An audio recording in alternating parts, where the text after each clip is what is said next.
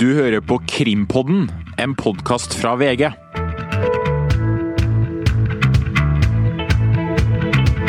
Jensen eller Cappelen? Politimann eller hasjbaronen? Hvem av dem klarer å overbevise juryen om at deres historie er sann? Astrid Mæland, eh, hvordan vil du beskrive de to første ukene av denne ankesaken mot Erik Jensen? Ja, det har vært annerledes enn vi trodde i starten. Vi trodde jo at Eirik Jensen skulle sitte og forklare seg nå de første to-tre ukene. Men slik har det altså ikke blitt. Det har gått kjempefort. Uh, ja, han har bare sittet i to-tre dager og hatt fri forklaring. Så trådde han ned fra vitneboksen fordi at han og hans forsvarer Jon Christian Elden klarte å få gjort om på hele programmet. De har et mer aggressivt forsvar denne runden her enn de har i Oslo tingrett i fjor. Så nå har de klart å få det til slik at uh, Jensen slapp å sitte og bli spurt ut nå. Det er Gjermund Cappelen som skal sitte de neste to-tre ukene og bli utspurt. Eh, så sånn sett så har Elden og Jensen fått inn et par seire her helt i starten. Eh, de har fått gjort om på, på hele arrangementet til aktoratet, som protesterte. De vil ikke ha det sånn. De har planlagt helt annen, et helt annet opplegg, der Jensen nå skal gjøre seg ferdig med å bli spurt ut, og bli rilla. Som er det mest ubehagelige selvfølgelig for Erik Jensen i hele saken, vil jeg tro. Det var i hvert fall der han gjorde det dårligst i fjor. Han har dårlige svar på mange, mange spørsmål, og han grua seg selvfølgelig til det.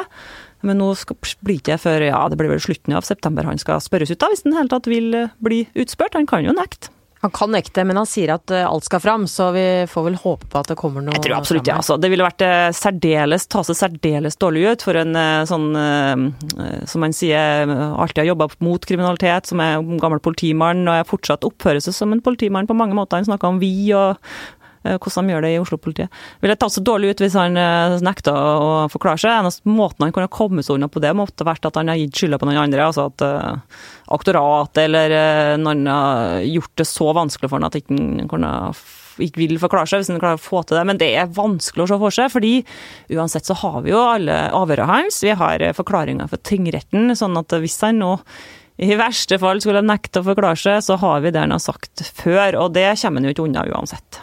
Sånn er det. Eh, det har vært sagt og skrevet mye. Kari Spets, du har også vært inne i rettssal 250, fulgt med på alt.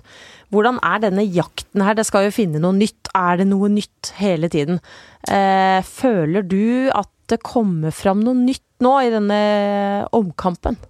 Um, det er vel som Astrid har skrevet og sagt, at uh, innpakninga er litt ny, men uh, det er lite nytt innhold i den innpakninga. Men det er jo én ting som kanskje var et slags hint om noe som kan komme, og det er når Jensen begynte å snakke om at et tema som var veldig viktig, men ikke hadde blitt dratt fram noe mye når det gjaldt SMS-ene, var at det var veldig mye velferd i de SMS-ene.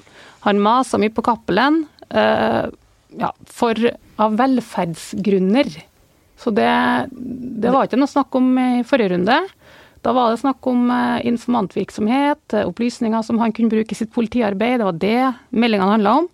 Men nå har vi altså fått noe frampek om noe nytt her. Det kan jo være noe, men jeg er litt usikker på hva det her velferd betyr. Men oppfatta kanskje sånn at uh, Jensen framstilte seg litt som sikkerhetsansvarlig for, eh, for Cappelen og skulle passe på i tilfelle det var noen trusler mot han. Snakka mye om at det var gjenger som trua Cappelen, og at det var mange folk han har kommet på feil uh, fot med.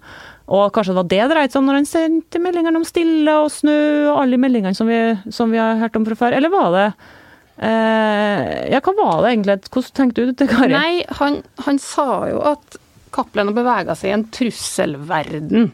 Altså, det var paranoia, og det var dobbeltliv, og det var rus. Og, altså, ja, rusen var jo viktig, ja, selvfølgelig. Og at, um, at han da ville berolige ham og gi råd per SMS, da.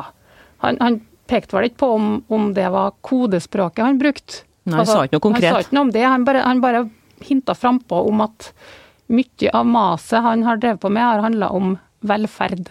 Kanskje, ja. Da må vi jo komme inn på det senere, da, når han eh, skal spørres ut om det var om, konkret på den meldinga der om snø, den om stille og sol, og om det betydde at han liksom skulle passe på at han ikke dopa seg, eller passe på at han ikke ble trua. Det kan hende. Mm. Vanskelig å vite for oss, da. Vi får se. Mm. Vi får se, og spørsmålene vil komme. Eh, begge to er i hvert fall enige om at det har vært mas.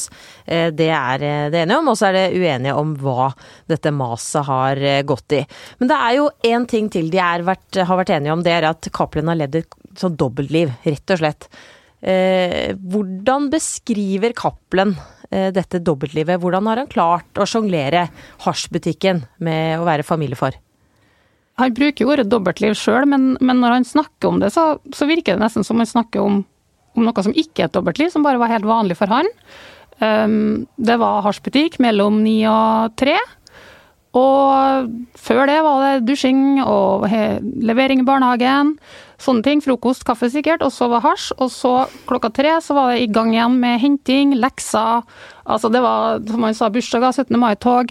Så han bruker ordet dobbeltliv sjøl, men for han så var det bare sånn livet var, virker det som. Eh, ganske absurd, eh, sikkert for juryen å sitte og høre på, på den her, eh, det her merkelige, merkelige, absurde forklaringa her. Ehm, jeg har jo hørt det før, men eh, det er jo absurd også den gangen her å høre hvordan han så lett snakker om det her merkelige livet. det som jeg la merke til, er at han er jo dopa så mye av tida altså det innrømmer han jo sjøl, og det vet oss jo sitter langt innenfor Cappelen. Han er en sånn fasademann, det har han sagt sjøl, opptatt av fine biler og fint liv. Og han har vært veldig lite interessert i å forklare seg om narko, sitt eget narkomisbruk. Men han snakka litt mer om det i, i Borgerting denne runden her, og forteller at han eh, kjører i heroinrus, og han gjorde mye av vanlige oppgaver i heroinrus, og beskriver det som en som ikke påvirka noe særlig, at det var bare ble litt flatere i følelseslivet sitt, sånn at han, så han slapp oppturene og nedturene. Men ellers så mente han at han fungerte utmerket, sikkert også som familiefar. Ja, Så ble han jo tatt et par ganger, da. Han, han kjørte jo bil i påvirka eh, tilstand. Kjørte på noen. Kanskje det var noen personskader, sier han. Og så oppførte han seg litt rart på en flytur eh, fra Hamburg til Oslo, hvor han da Han husker ikke så mye av det, sier han, men etter dette så sier han at han har fått hjelp av Eirik Jensen, da. Ikke sant? Eh, hjelp til soningsutsettelse fordi han måtte ta hånd om businessen, og hjelp til eh, midlertidig kjøretillatelse. Hvorfor trekker han inn det, at han har fått hjelp av Jensen der? Ja, det er vel fordi at han skal vise at Jensen var en del av nettverket hans, som en slags eh, sikkerhetsansvarlig i Cappelens kriminelle mafiaorganisasjon. Han sier jo at eh, nei, men det passer jo ikke å ikke ha førerkort, og det passer jo ikke å ikke å sone nå, for at businessen måtte jo altså det er show must go on, liksom. Men. Ikke sant. Jeg tenkte på det når jeg hører at han beskriver det som sånn vanlig, på en måte. En kjører på en, så husker han så vidt ja, kanskje det var en ganske alvorlig personskade. Forresten så tenkte jeg ja, det er kanskje et vanlig liv for Cappelen, men jeg tror de fleste i Norge som kjører på noen skade noen alvorlig, ville ha huska det, men han slet litt med å huske det. Han har gjort mye, mye rart som han sjøl oppfatta som forholdsvis vanlig, men som andre ville oppfatta som veldig kriminelt. Men han beskriver liksom eget, sitt eget liv og sin egen gjeng som de var ikke de kriminelle, de var helt vanlige folk som jobba som hjelpepleiere og har unger og bursdager og alt sammen. Men det var noen andre det er liksom noen andre som er kjempe, kjempekriminelle i Norge. Og sånn er det litt med Jensen han for han er liksom alt det han har gjort, helt naturlig polisarbeid, men han har jo gjort veldig mye rart, han òg. Men hvordan ser det ut for Jensen at han har hjulpet Cappelen på den måten her? Han har sagt ja, ja, selvfølgelig må du ha midlertidig eh, kjøretillatelse, og selvfølgelig kan ikke du sone akkurat nå, for det passer ikke for businessen. Hvordan ser det ut for Jensen? Jeg vet ikke. Jeg har hørt eh, historier tidligere om at informanter, eller andre informanter i politiet, har blitt hjelpa med småting. Så det tror jeg nok skjer. Det skal jo liksom ikke skje at de skal slippe unna alvorlig kriminalitet, men det her kan hende hvis en vet det, så kan det hende at en finner eksempel på at informantbehandlere i politiet har gjort tilsvarende ting med andre. altså. Det kan det. Vi har jo, altså vi har jo ikke, det her er jo Cappelen sin versjon, men han sa i alle fall i retten det skal komme en og vitne om eh, at han fikk utstedt midlertidig kjøretillatelse. Ja, vi så det vel òg, håndskrifta til Jensen som skrev under på et brev til en eller annen politijurist for at han ba om det, tror jeg. Og det i forrige runde? Det kan hende blanda. Ny sak. Ny ja. sak, eh, ny jury, som eh, egentlig har fått beskjed om å ikke lese så mye av dokumentene fra den forrige saken. Så det de skal ta et valg på nå, det skal være basert på det som kommer fram i lagmannsretten.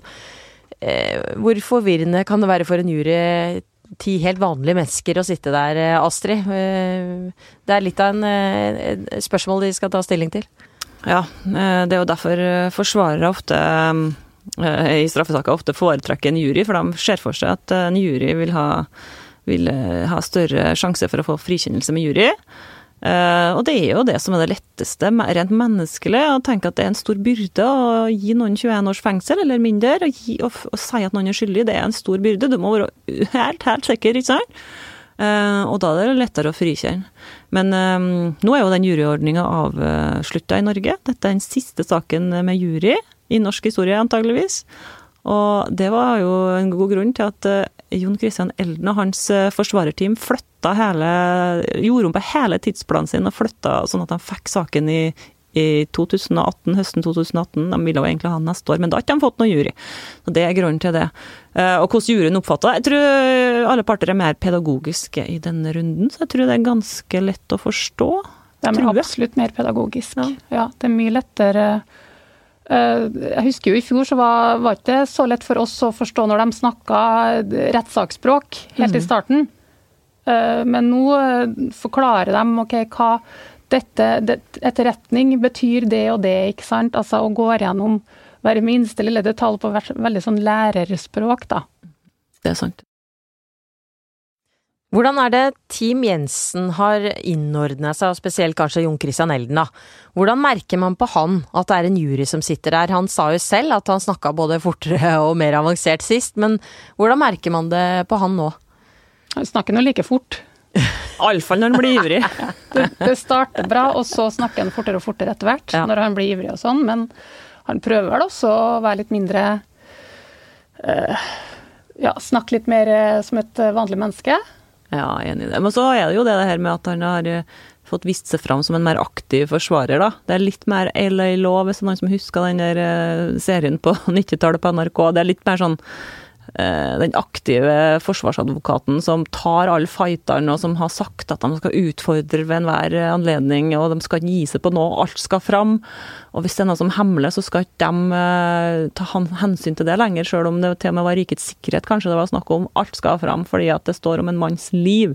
Så dette er jo mye mer sånn eh, melodramatisk, kan du si, fra Elden enn det har vært tidligere. Litt tørrere kanskje i første runde.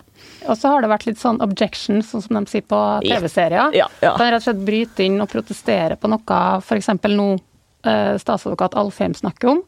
Så bryter Elden inn, og så stiller en spørsmålstegn ved f.eks. altså syns at Alfheim har lagt ord i munnen på Cappelen. Og han får også til og med, eller av og til, um, medhold av dommeren om at Alfheim, du må stille spørsmålene dine på en annen måte. Jeg vil si at dommerne har vært veldig på Team Jensen foreløpig. Dette er litt useriøst altså, vurdert, men altså, bare sånn såpeoperamessig så jeg har eh, dommeren eh, gitt Jensen eh, sida rett, sant. De fikk lov til å forandre tidsplanen på, rett, på hele greia. og hun har, sagt ja til kritisert Alfheim i stad og sånn, og det her kan jo være mange grunner til, bl.a. å innbytte tillit hos eh, Jensen, som eh, i forrige runde så vi det at det var jo en del ting Jensen bare henvendte seg til dommeren om. Han stola mer på dommeren enn på aktoratet, ikke så rart det, da. Ja, så det er et spill, altså?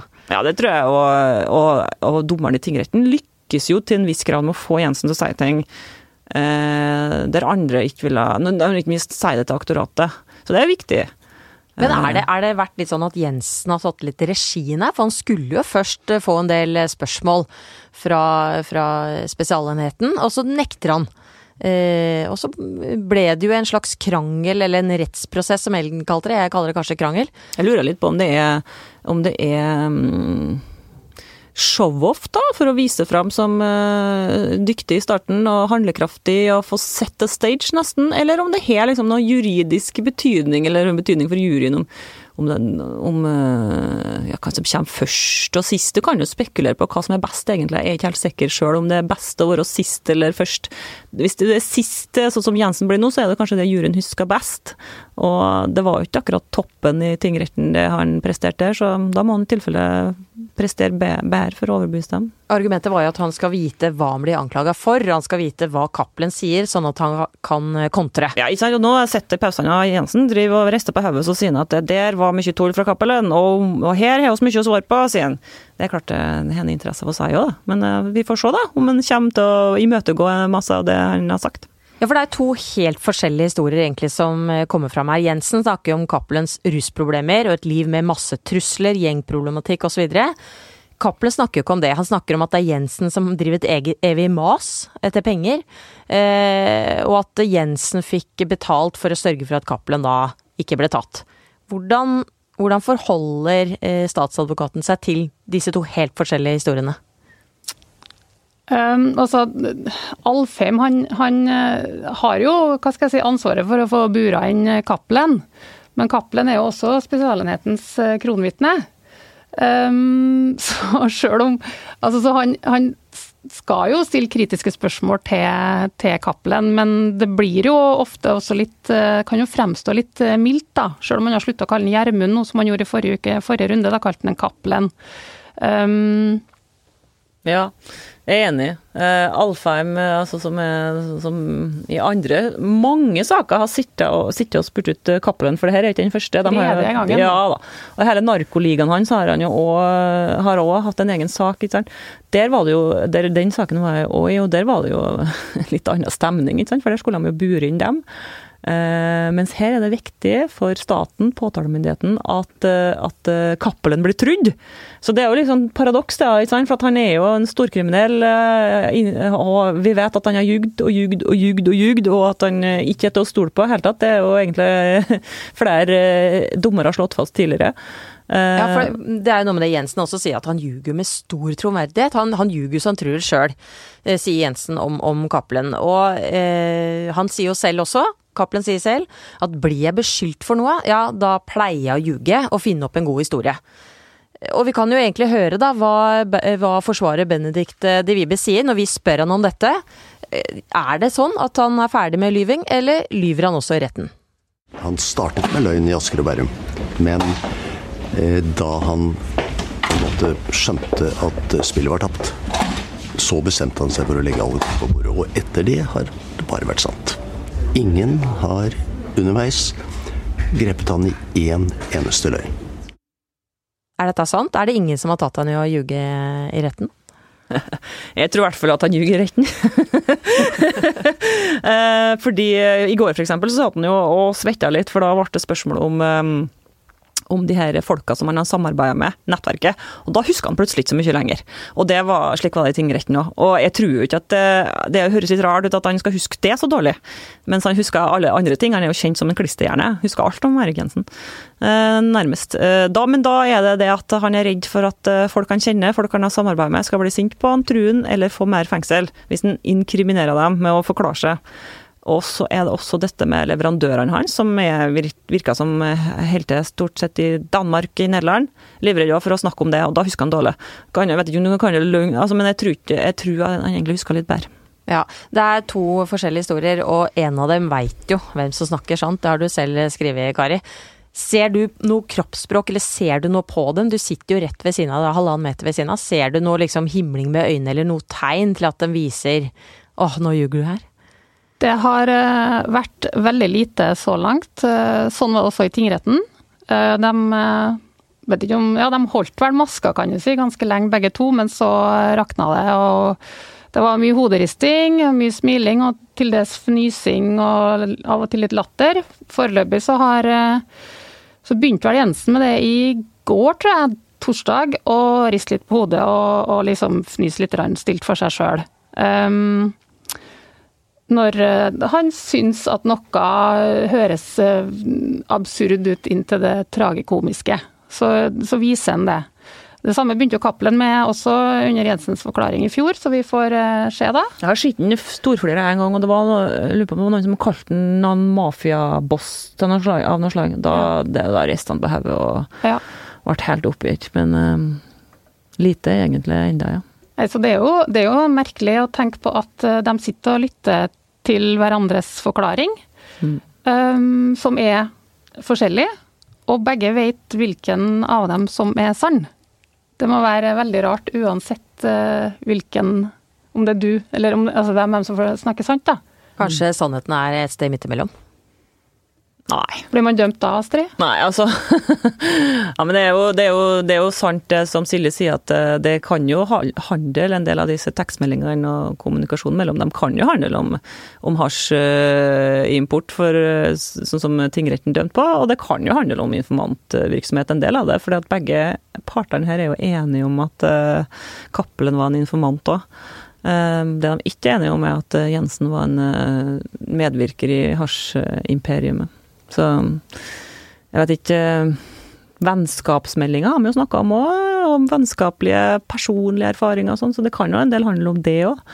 Men det som er litt rart, som uh, gjennomgående, er jo at de bruker kodespråk som ligner på alt det andre kodespråket som uh, Cappelen har med sine andre kriminelle medsammensvorne. Sol, Ja, for han ble jo spurt om det, ja, hvordan var det dere egentlig utvikla dette blomsterspråket? Og da svarte jo Cappelen at nei, det bare blei sånn, det er sånn jeg snakker med alle. Eh, Dette med det er kommunen, det er et byggeprosjekt eh, osv. Kan du se på dette byggeprosjektet? Altså kan du se på denne hasjen? Mener aktoratet at det er? Eh, Men sol og stille, det bruker en jo ikke med nei. Det bruker en ikke. Altså, Nei, er bruker ikke Cappelen mot eh, Det er bare Erik er Jensen som bruker. Mm, så det er spesielt Men det er kommuner Hva er forklaringa på det? Hva mener han med sto, sol og stille og Så langt har vi ikke kommet ennå, men Nei, tingretten så var det jo om eh, i forbindelse med en, De viste jo på tidslinja at det skjedde i forbindelse med en eh, hasjimport, og at Jensen liksom da mener aktoratet holder oppsikt på politikontoret, om det er noe tollere, eller om det er noe spaning på Cappelen, eller om det er noen som er mistenksom. Og Sol og stille skal bety at her går alt bra, lite bemanning, ikke noen som holder på med det du holder på med, så bare kjør på. Ja. Vi ser jo en Gjermund Cappelen som står i vitneboksen i ganske fancy klær. Det må kunne sies. Ganske eh, designerbukse så jeg nå min mote la ut, med noe eh, par tusenlapper. Og og hans, Cappelen-stilen. Ja, slik får du Cappelen-stil. Men eh, det er ikke tvil om at eh, han har hatt penger. Han har hatt mye penger. Eh, jeg syns jo det har vært litt fascinerende å se bilder av bunkevis med penger som er funnet i, i nattbordskuffen til Cappelen. Og han sier jo selv også at det har jo vært en pengebruk som har vært å spy av. Hvordan, hvordan, sier, hvordan beskriver Cappelen selv det, det, det pengebruket sitt, og hvordan han har brukt all cash han har hatt? Altså, han, han, han sier jo at han har vært eh, helt vanvittig opptatt av klær. Trekker han fram spesielt, da. Klokker, biler. eh, og det er noen ferieturer som har vært helt uh, elleville. Altså, han har tatt med familien på ferie veldig ofte.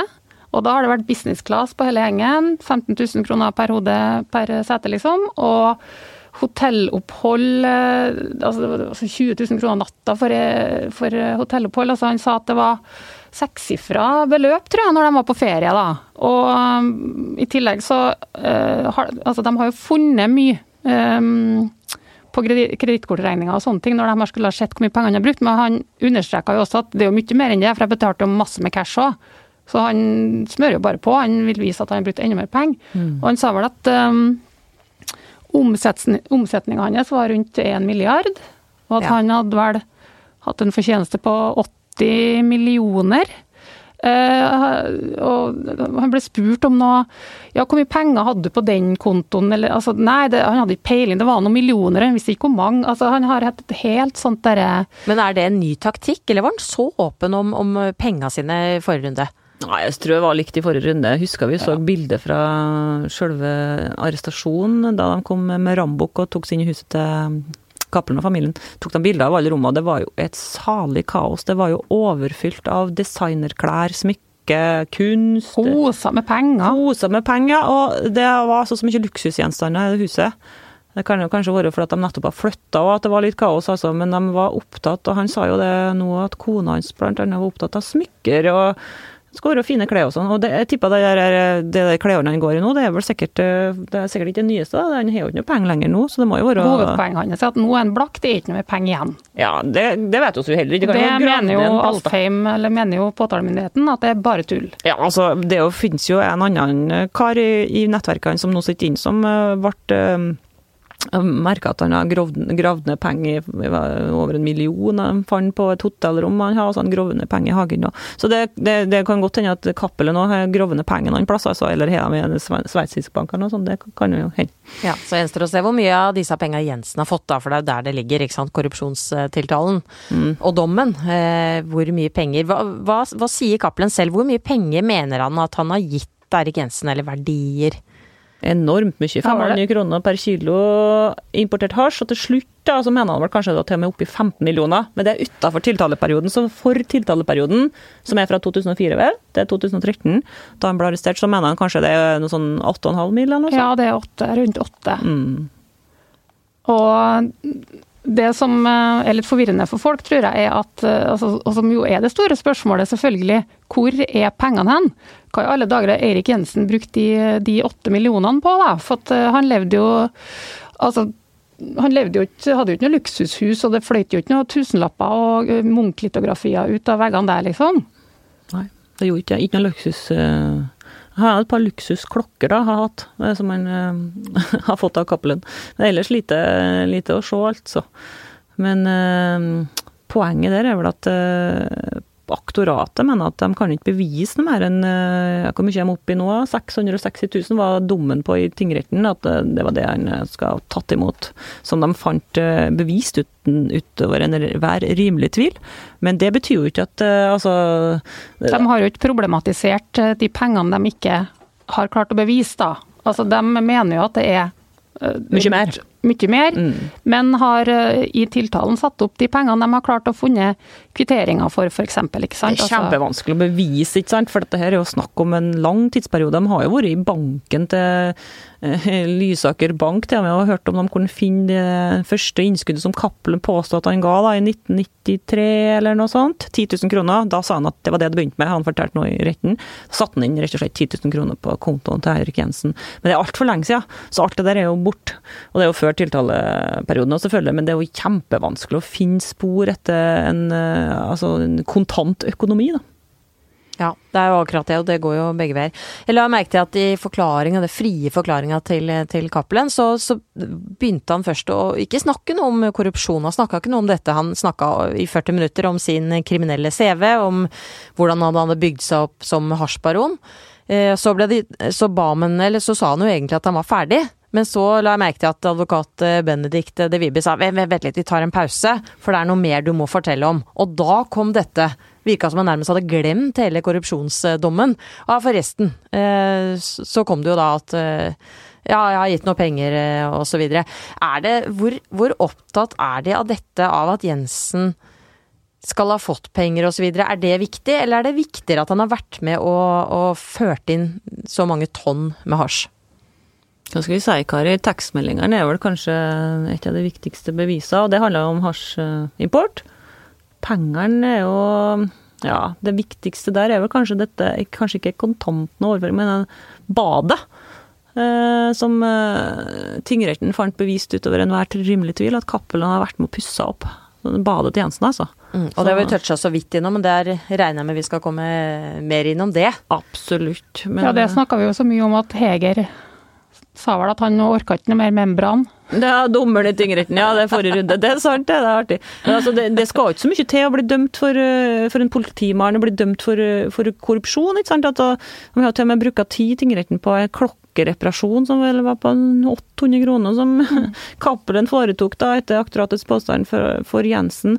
Og det er klart, det er ikke nok til å få 21 år, altså, det er ikke jeg mener, men altså, for en politi så er jo lista selvfølgelig kjempelav. Du kan ikke ta imot klokka heller, som eh, Jensen har bevist, har sagt, innrømt at han har tatt imot en klokke fra Cappelen, som han riktignok sier han leverte tilbake.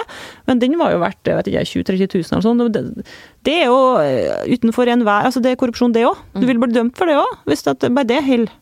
Så om summen nå er 600 000 eller 2 millioner altså, Folk snakker så mye om at det, det, folk er ikke villige til å generelt da, gjøre seg til, til, til skurk for små beløp, som 30 000 eller 2 millioner eller sånn, mener at det er lite, men det tror jeg er helt feil. Folk er generelt, i, i, når vi ser på korrupsjonshistorien i Norge, så er folk absolutt villige til å gjøre, gjøre seg til tyv for 10 000, 30 000, 50 000 eller 2 millioner. Um, og eh, for en politi så betyr ikke noe om det er 2 millioner eller 600 000, det, blir, det er like ille, det. Samtidig så sier han jo at han er lojal, han er en politimann, han holder på de reglene han selv har eh, skrevet, bortsett fra da instruksen som han har brutt eh, et par ganger, sier han. Det er veldig mye informasjon i det hele tatt. Veldig mye som kommer fram. Det har vært to uker nå med, med ankesaken. Er det noe Hva forventer dere av det som kommer fram? Er det på en måte Er vi gjennom det meste, eller vil det komme veldig mye nytt, tror dere, i tida som kommer? Det blir jo spennende med vitneførselen, tenker jeg. Um, når bevisene skal legges fram. altså Deres forklaringer er jo det de hevder og påstår å svare på.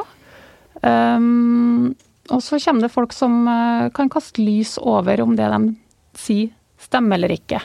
Noe kan jo bevises med objektiv informasjon. Andre ting er vitner som forteller at de har hørt noe, eller sånn var det ikke, eller eh, vi skulle følge reglene. Og, altså. Så jeg er spent på vitneførselen. Generelt så virker det jo som, hva skal vi si, stemninga er litt eh, eh, Skuldrene er på en måte senka litt i ankesaken. Det er helt feil å si, selvfølgelig, for det er jo nerver overalt og kjempeviktig for alle. Men altså, de forteller litt mer avslappa fordi det alt har vært ute. altså Cappelen er mer avslappet på de narkogreiene sine og fortida som rusmisbruker, fordi at det er jo allerede vært ute i alle avisene, så det er liksom ikke noe halvhemmelig lenger. Jensen er mer avslappa på eh, på sånn personlige opplysninger. altså De er blitt så dreven, på en måte, så de heller ikke ting eh, hemmelig. Så og Sånn kan det jo kanskje tenkes at det blir med vitnene òg.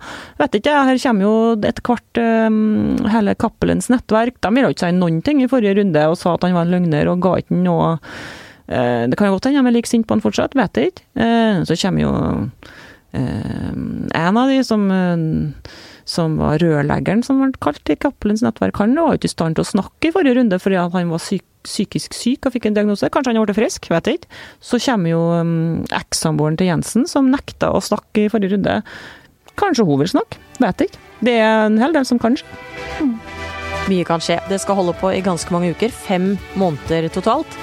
Så er jo bare å følge med på VG og følge saken videre. Takk for at dere var med i studio, Kari Spets og Astrid Mæland.